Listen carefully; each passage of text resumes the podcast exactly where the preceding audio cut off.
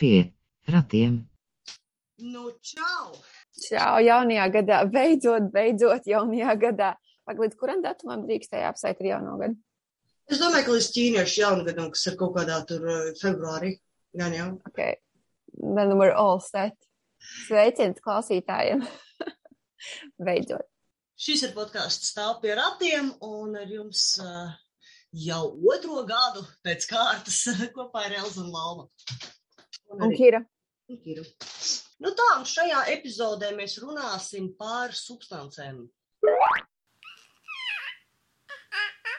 Vajag mācīt, ka nedrīkst. Jā, tā ir lielā tēma, ko mēs īstenībā gribējām jau pacelt uz Ziemassvētkiem un vai jauno gadu, bet uh, iegriezās plāni un, un iespējas, viss, visas tā, ka, ka nesanāca ierunāts.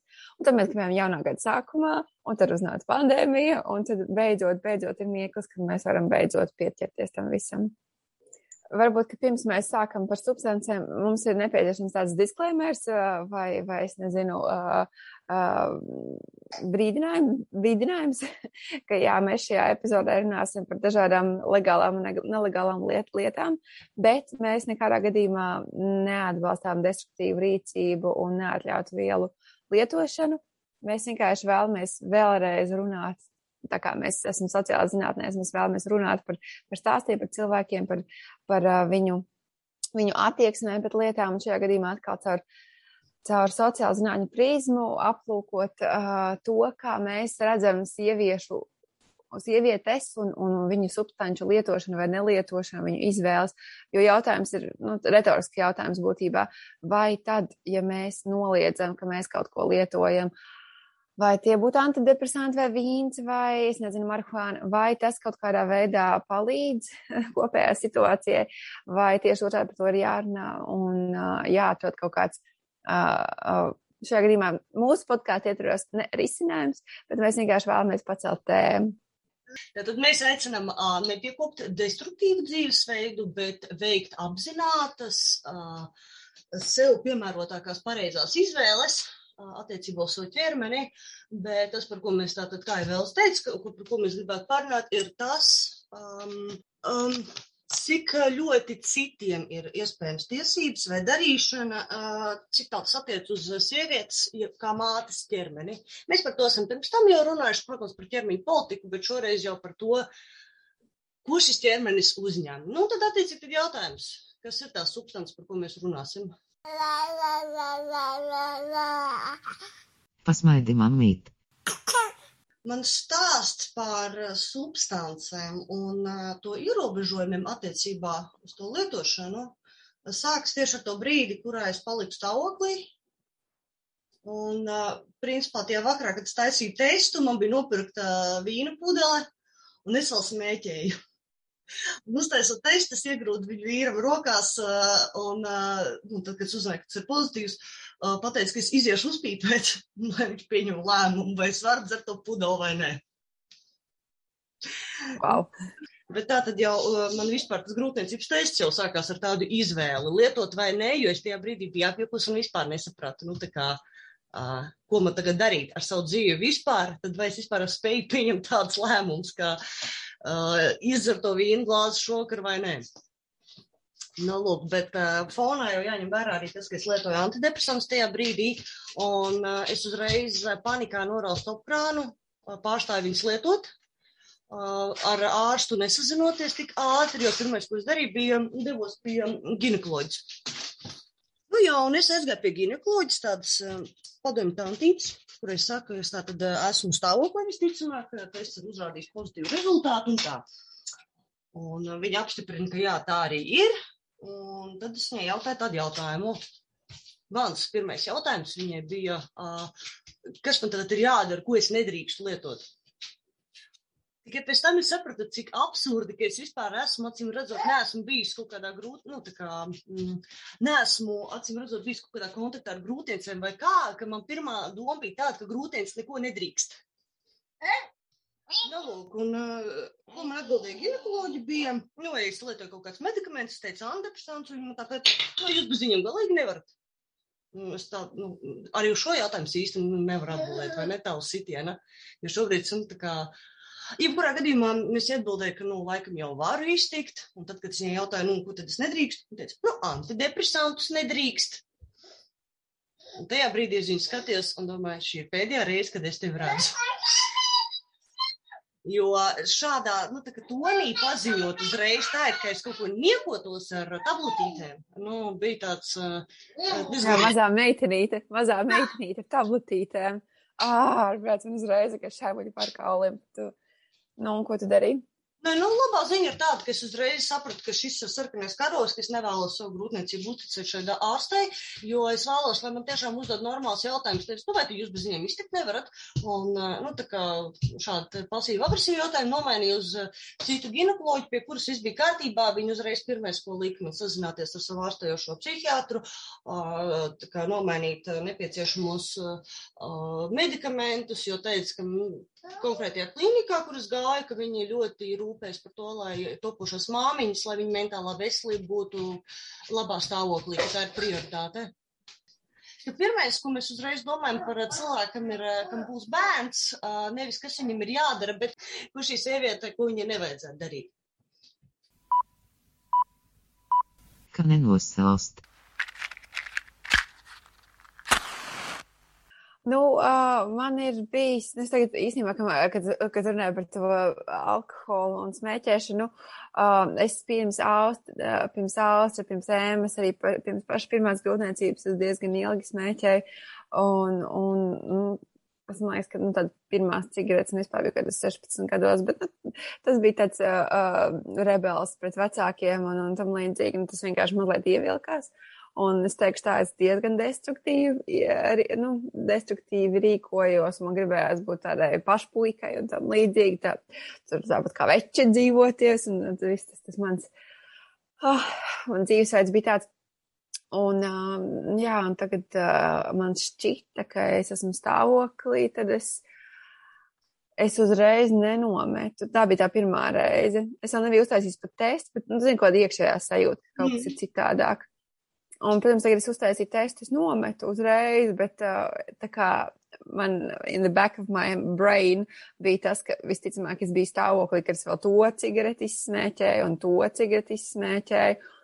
Tas kaut kā man iesēdās, un es ļoti ilgu laiku domāju par to, ka trausmīgi arī tā pirmā grūtniecība man tāda iegriezās, tikai tāpēc, ka es biju, es biju tik ļoti, nu, nepareiza ka es uzreiz tajā sekundē nebeidzu smēķēt. Lai gan pat, iespējams, man pat tests nebūtu bijis, nu, pozitīvs tajā mirklī, jo tur man tas cikls dīvains.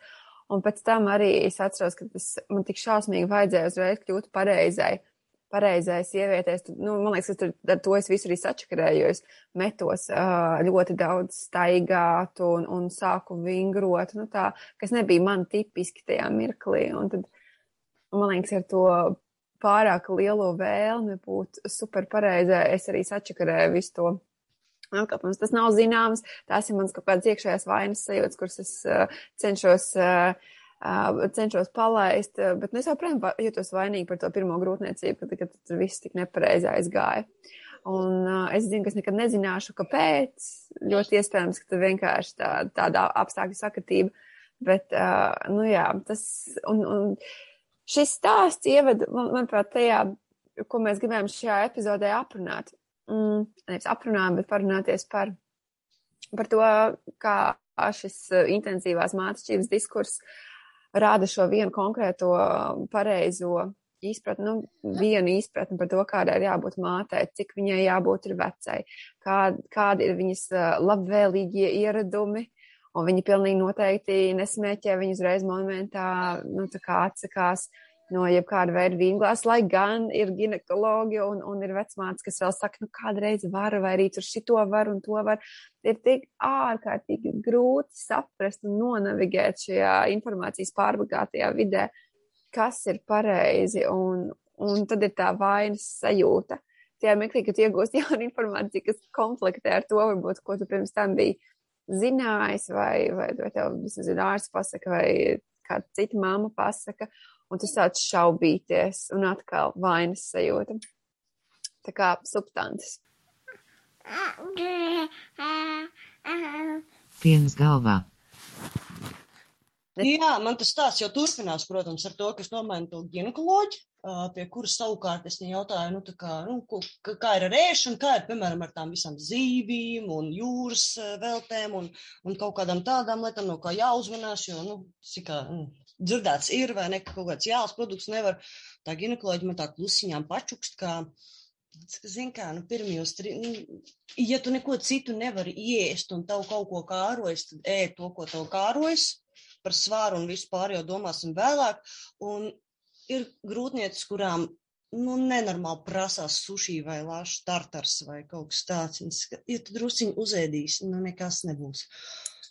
Un tāpat laikā es sazinos ar savu vīru māti un tā, un saka, nu tā un šitā, nu, ka mēs esam tur tā, nu, tā kā gaidām viņas pirmo mazbērnu un tā un tā, un es viņai pa laikam uzzvanu, lai pastāstītu kāds dzīvums, un, nu, īsakot, informēju viņu par visu notiekošo arī pandēmiju un tā. Un, uh, tomēr, lai vismaz attālinātu kaut kāds kontakts, un viņi katru reizi jautā vienu to pašu, nu, ko nedrīkst. Un ko nedrīkst? Un es saprotu, ka tas visticamāk ir arī vēl tāds padomju mantojums, vai ne, ka uzreiz arī, zin, tiek viss ierobežots ka pirmais, kas notiek, nu, tā, pirmā reakcija trīs bērnu mātei, kas ir mana vīra māte, ir tāds, ka noteikti kaut ko nedrīkst. Tad viņi brīnījās, pēc tam, ka es vasarā ēdu zemenes vai tomātus, jo tie taču ir alergēni. Kāds sakars tam, kas man auga vēderā ar kaut kādiem al alerģiskiem vai nealerģiskiem produktiem. Bet, nu jā, tas, ka viņi ir dzīvojuši tādā kaut kādā arī dzim iebaidītā stāvoklī, ka jebkas, ko viņi uzņem, ir kaitīgs bērnam. Jā, Kira arī šķiet dīvaini tas viss. Es piekrītu, tas ir, nu, nu kā tehnoloģijas iet priekš, mēs iegūstam jaunas zināšanas, mēs, kas konfliktē ar iepriekšējiem, tāpēc, ka, nu, nu bieži vien arī tas mm, misters, doktors Spoks, ļoti daudz viņa grāmatās ir rakstīts tieši tā kā tu saki, šito nedrīkst, to nedrīkst. Mm -hmm. Un tā pašā laikā ir tas teksts par to, ka galvenais mātei jābūt mierīgai, nedrīkst stresot.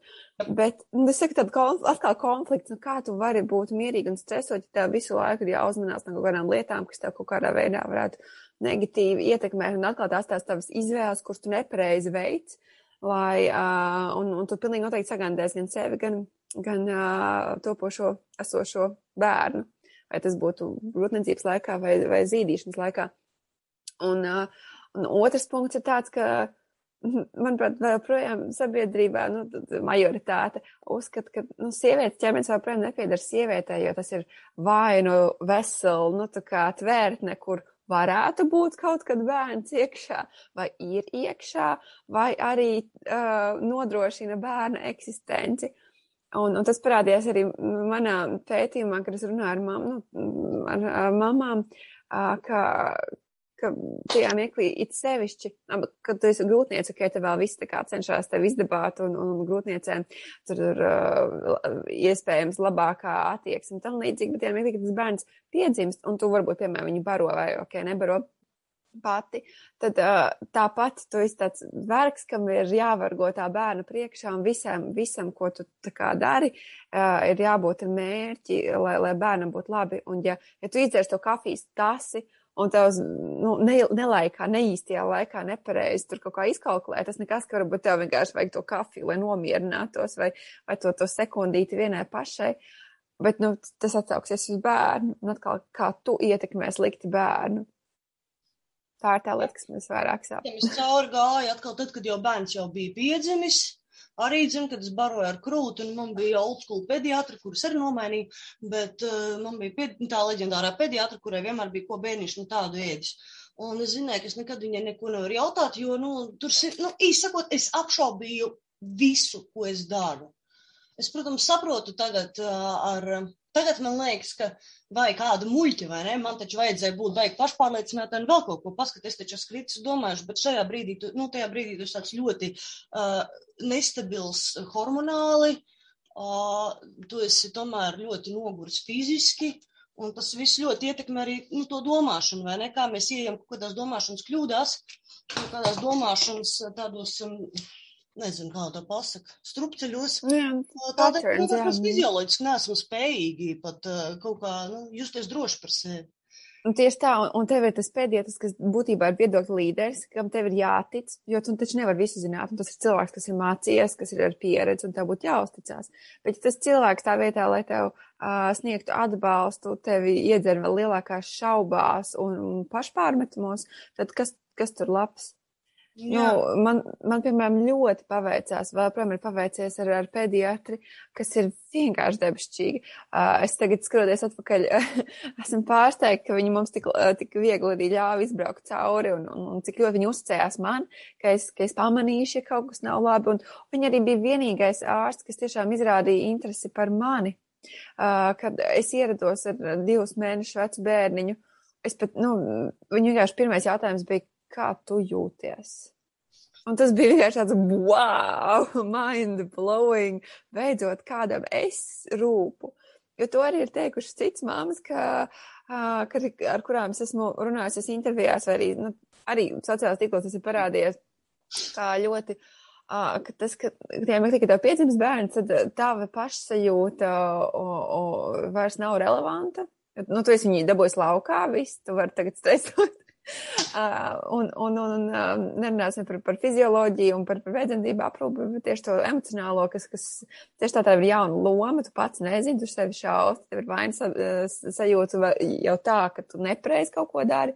Un, un, un tu vēl nedrīksti justies nepareizi un, un, un, un slikti. Un, un, nu jā, kurā mirklī tā kā tu par sevi drīkst domāt, jo bieži vien tās substances tiek sāktas lietot ar domu, ka tu nu, savu īstermiņā vismaz li liks justies labāk. Vai, vai tās būtu šajā gadījumā, es runāju par, es nezinu, vīna glāzi vai kaut ko. Un tad uh, ilgtermiņā tas var, protams, aizvest arī pie kaut kādām nepatīkamākām pieredzēm un patērniem. Mana pediatra savukārt, protams, katru reizi apjautājās, kā es jūtos, un ka mammai nevajag satraukties, un vajag katru dienu iet ārā, tieši nevis bērniņa veselības dēļ, bet savas veselības dēļ, nu, ir kā skaidrs, jā. Bet tas viss ir tā, ka viņi uzstāda tādu noteikumu kopumu, ka no tā. To pildot, beigās eh, ir tā, ka tā māte ir vēl lielākā stresā.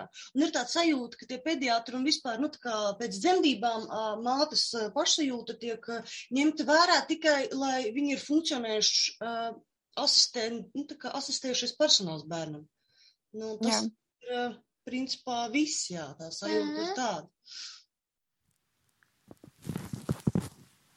Nu, bet ko tu visu dienu dari?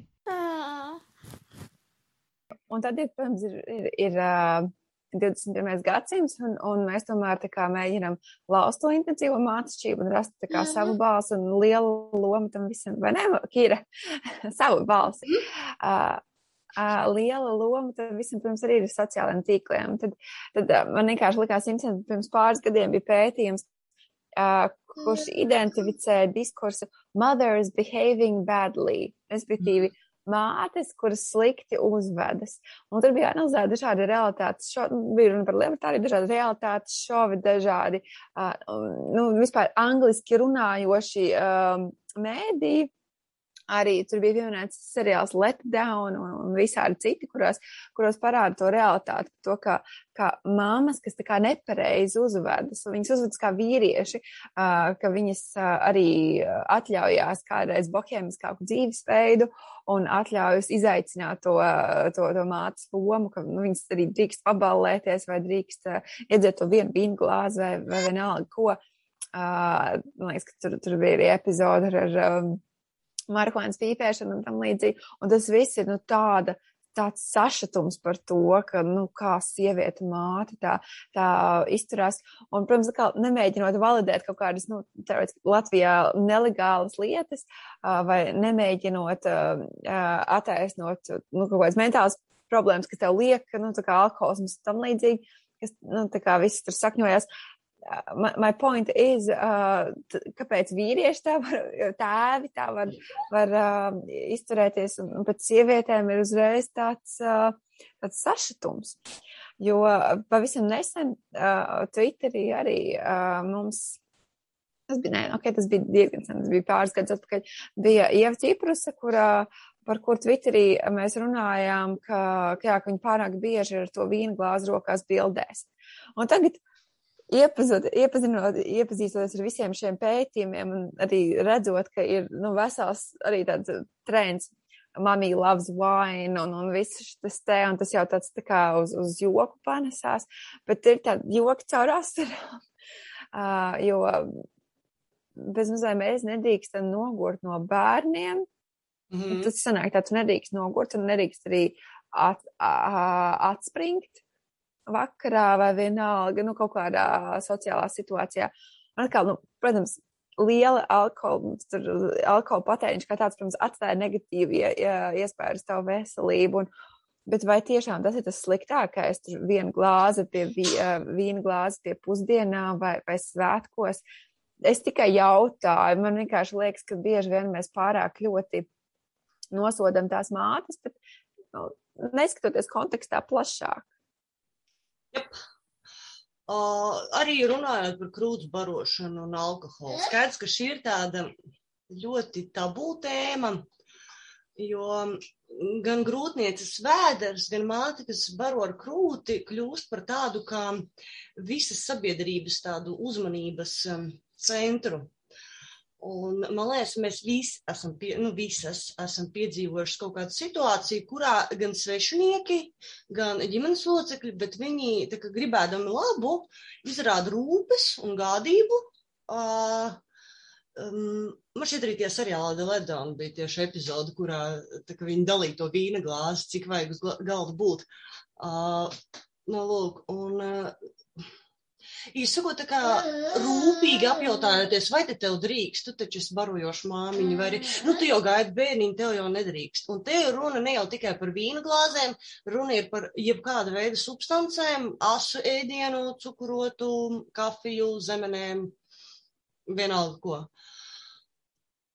Jā. Un to, ka tavā vietā jau iekodē, nu, tā kā tavā vietā jau izlēma iekodējot to vēlamo atbildi, Viņi mm. sagaida, ka tu atteiksies, jo tas ir tas, kā, kā mātei vajadzētu darboties.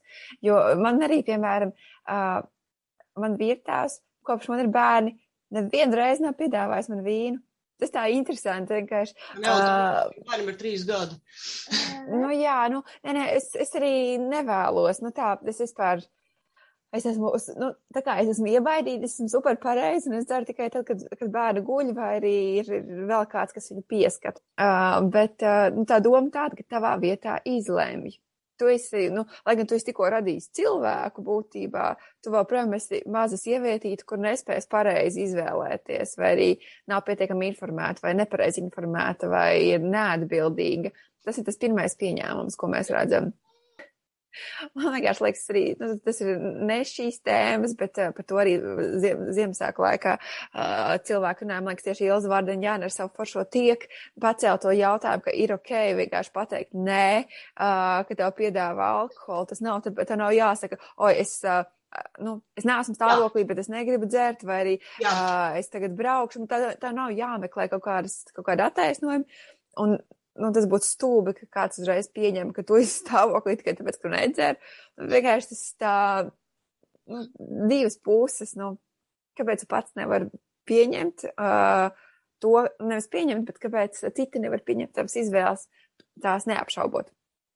Nu, protams, atkal te mēs varam atgriezties pie tā, ka mm, ir ļoti svarīgi, man liekas, ka arī pašām, protams, uh, kāčāt to pašapziņu, uh, iemācīties, ka nevajag taisnoties, neatbildēt uz jautājumiem, kurus neatdod, neuzdod. Nu, šis ir man tās praktiskais inputs, kurus pat, protams, dzīvē reti pielietoju, bet ir teorētiski. Ja kāds jautā, vai tu gribi vīnu, vai tev arī vīna glāzi? Jā, labprāt, nepaldies. Tev nekas cits nevienam nav jāpaskaidro. Nu, pilnīgi nekas. Jā. Es ļoti iesaku Netflixā šobrīd ir uh, um, filma Feminists What Were They Thinking, un tur ir, uh, es, es, es, es, es ar savu psihologu par to runāju, mums abām bija tāds, jē, yeah, vajag labā filma. Uh, iesaku noskatīties, tāpēc, ka uh, nu, tur vispār runā par to feminismu otro vilni un, un, un, un uh, ko sievietes tajā laikā mēģināja izcīnīt un, un kāda ir tā cīņa mūsdienās. Un tur ir Džēna Fonda, kas tik lieliski saka, tikai pirms desmit gadiem es iemācījos, like, okay, pirms dažiem gadiem es iemācījos, ka no is a full sentence. Nē, ir pilns teikums. Viss vienkārši nē.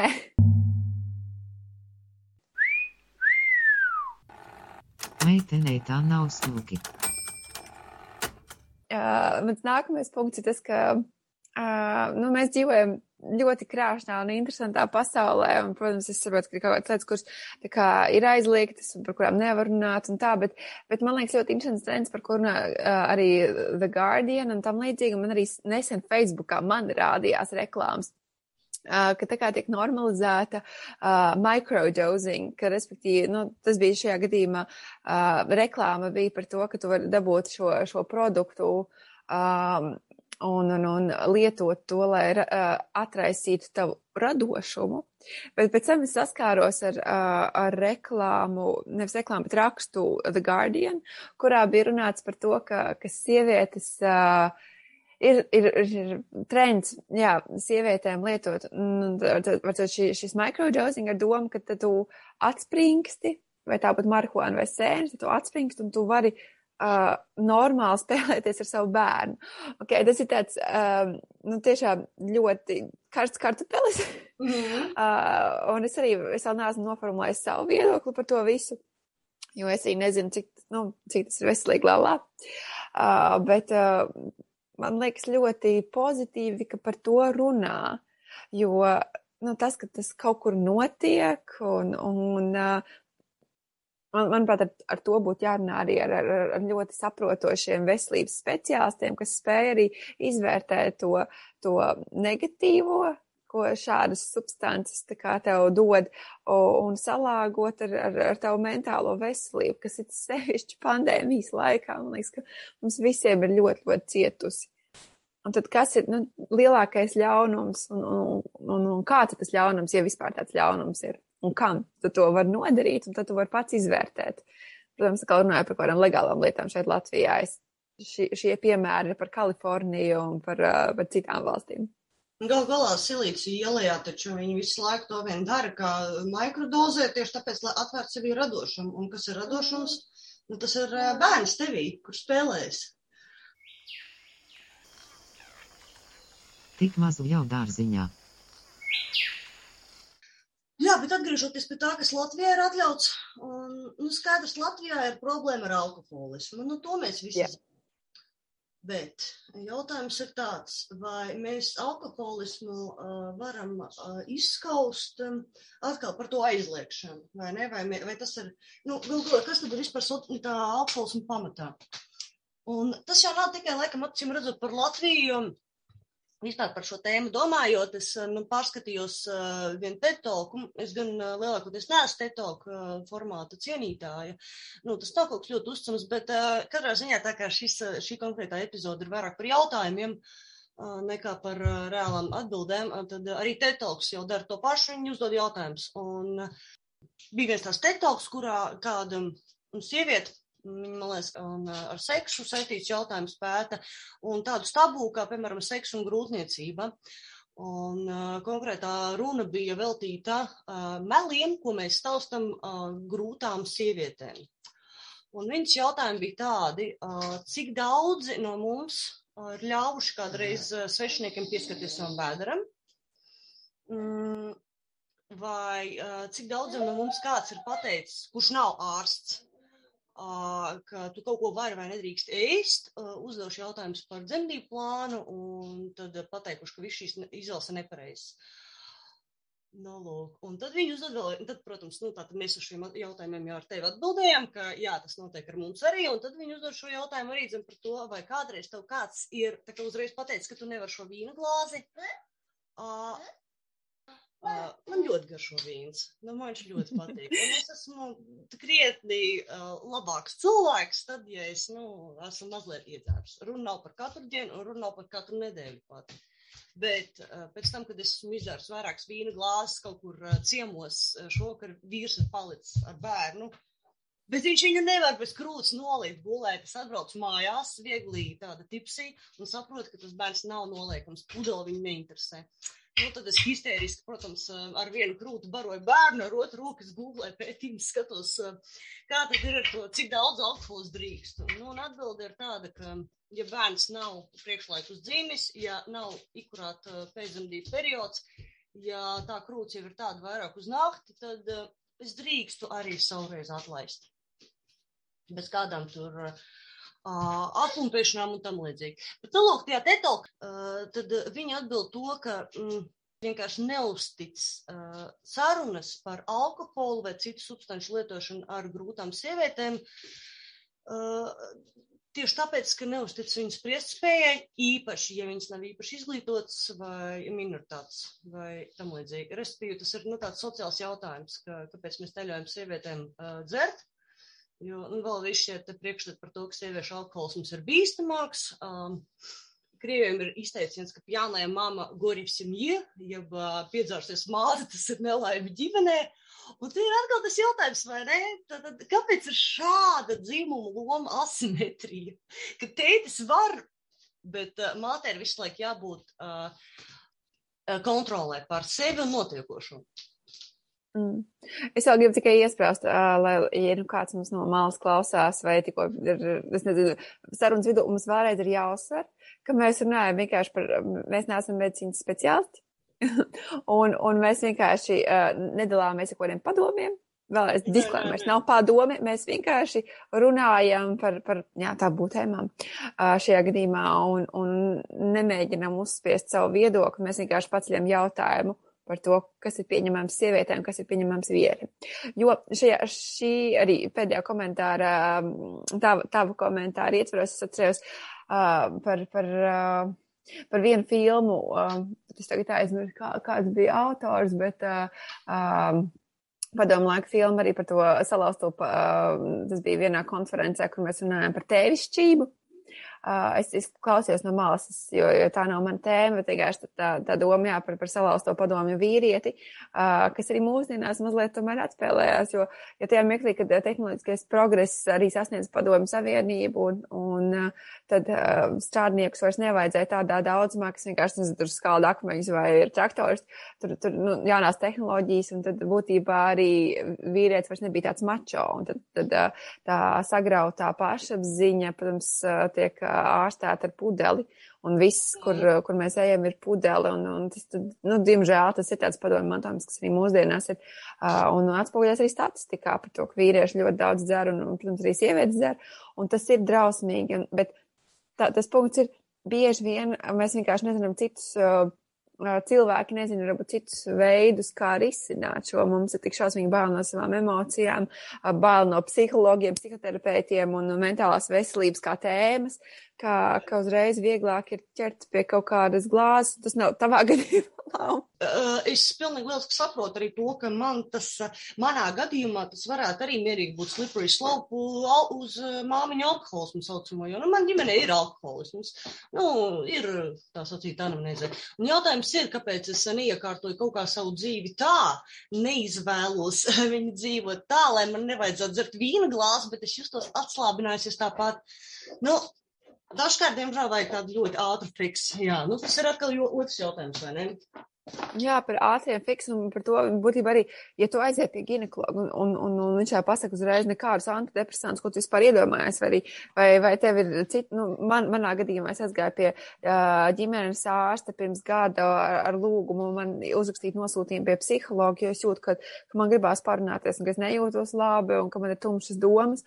Un, ja man ir vēl jāpārliecina ģimenes ārsts, ka, nu, sorry, man, man ļoti, ļoti vajag, mm, tev tiešām vajag, un tad es saku, sēžu pie tā, pie tā ģimenes ārsta kabinetā un domāju, nu, nu, man pirms septiņiem gadiem nomira bērns, nu, tā kā pēc dzemdībām, nu, es vēl projām laikam netieku galā ar to, un, un tad viņi tā padomā, hmm, nu labi, tad, laikam tomēr vajadzēs. Nevis tāpēc, ka fucking pandēmija un es visu laiku sēžu mājās ar bērniem un, un netiek laukā.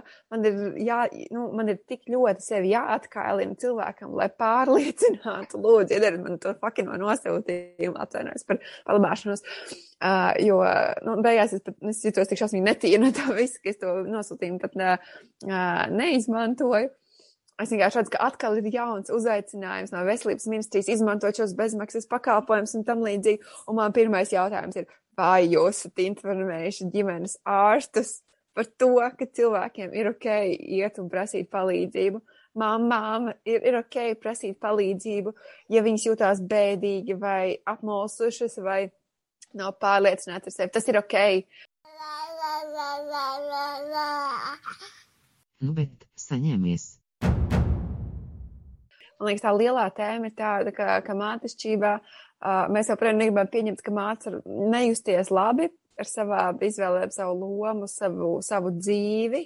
Jā. Un, un, un tas ir ok, jebkurš cilvēks, kurā mirklī noteikti jūtās slikti. Nu, es, es neticu visiem tiem uh, overexcited uh, tauriņiem, varavīksnes krāsās, uh, kas lidinās pa dzīvi, un viss ir vienkārši rožu dārs. Nu, ok, es pārstīlēju. Es vienkārši, es neticu cilvēkiem, ir cilvēki, kas vienkārši nekad nejūtās slikti. Tas, tas nav iespējams. Un, un kāpēc mammas nedrīkst justies slikti, un kāpēc, un, un, un, kāpēc viņām jāsaņemās, nu, tā kā jās, jāsaņem nosodījums par, par savām izvēlēm un vai neizvēlēm. Tas, tas vienkārši, ja mēs atklātāk runātu par šādām tēmām un, un mehānismiem, kas varētu palīdzēt gan, gan mamām, gan tētiem, gan, gan vecmāmiņām, vecētiņiem vienalga partneriem, um, nu, justies labāk, dzīvot labāk, nevis šaustīt sevi, par, par kaut kādām senām izvēlēm vai kļūdām. Vai, nu. Mēs dzīvojam vienkārši tādā laikā, kad. Uh, kurā ļoti daudz vispār tiek regulēts, kā cilvēkam būtu, nu, mēdī ļoti daudz ietekmē to, kā mēs uztveram paši vispār savus ķermeņus un, un visu, un nav runa tikai par sievietēm, nav runa tikai par mātes ķermeņiem, runa jau ir vispār par to, ka man liekas, ka Baumans, Zigmunds Baumans, viņš mm, definēja, ka rūpes nevis par wellness, bet par fitness. Es varbūt kļūdīšos. Yeah. Tagad ir apsēstība ar to fitnessu, ka mums visiem ir uh, jāizskatās pareizi, mums visiem ir jāsporto, jāēd pareizi, bet tas viss jau noved līdz tādai pakāpei, uh, ka tiek runāts par tādiem ēšanas traucējumiem kā ortoreksija, restīvi, ka tu baidies kaut ko nepareizi apēst, ka tu uh, vēlies vienkārši perfekti kā, dzīvot, perfekti ēst, perfekti visu. Uh, Valodā vienkārši ir iekodēts, jo arī zina, ka mēs lutinam sevi ar ēdienu vai bezgrēka konfekts un šādi murgi, vai ne, ka mēs īsti sakot, ka mēs jau vairs neveselīgi attiecamies vispār pret ja parastām dzīves baudām un vajadzībām. Jā. Tā, ka mēs jūtamies jau vainīgi jau par jebko, ko mēs kā, darām un uzņemam. Nu, tur, protams, ir jautājums par mārketingu, jautājums ir par sociālajiem tīkliem un par to, kā tas viss tiek formāts, bet, nu jā. Tas viss arī veido tā... kolosālu fonu, kad tu paliec stāvokli un pirmā doma ir tāda, ko es jau nepareizi daru. jā, tas.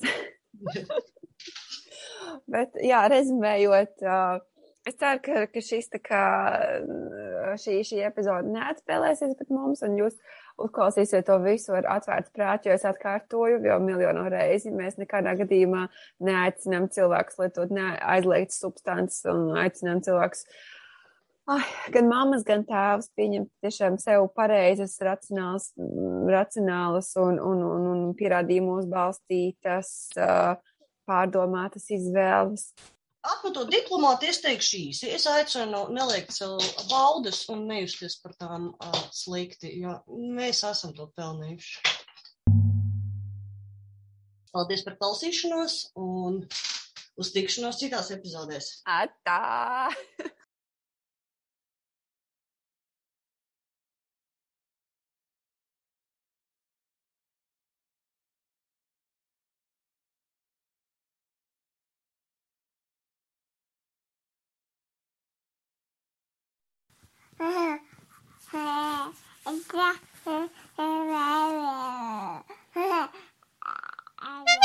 Stāvi pie ratiem.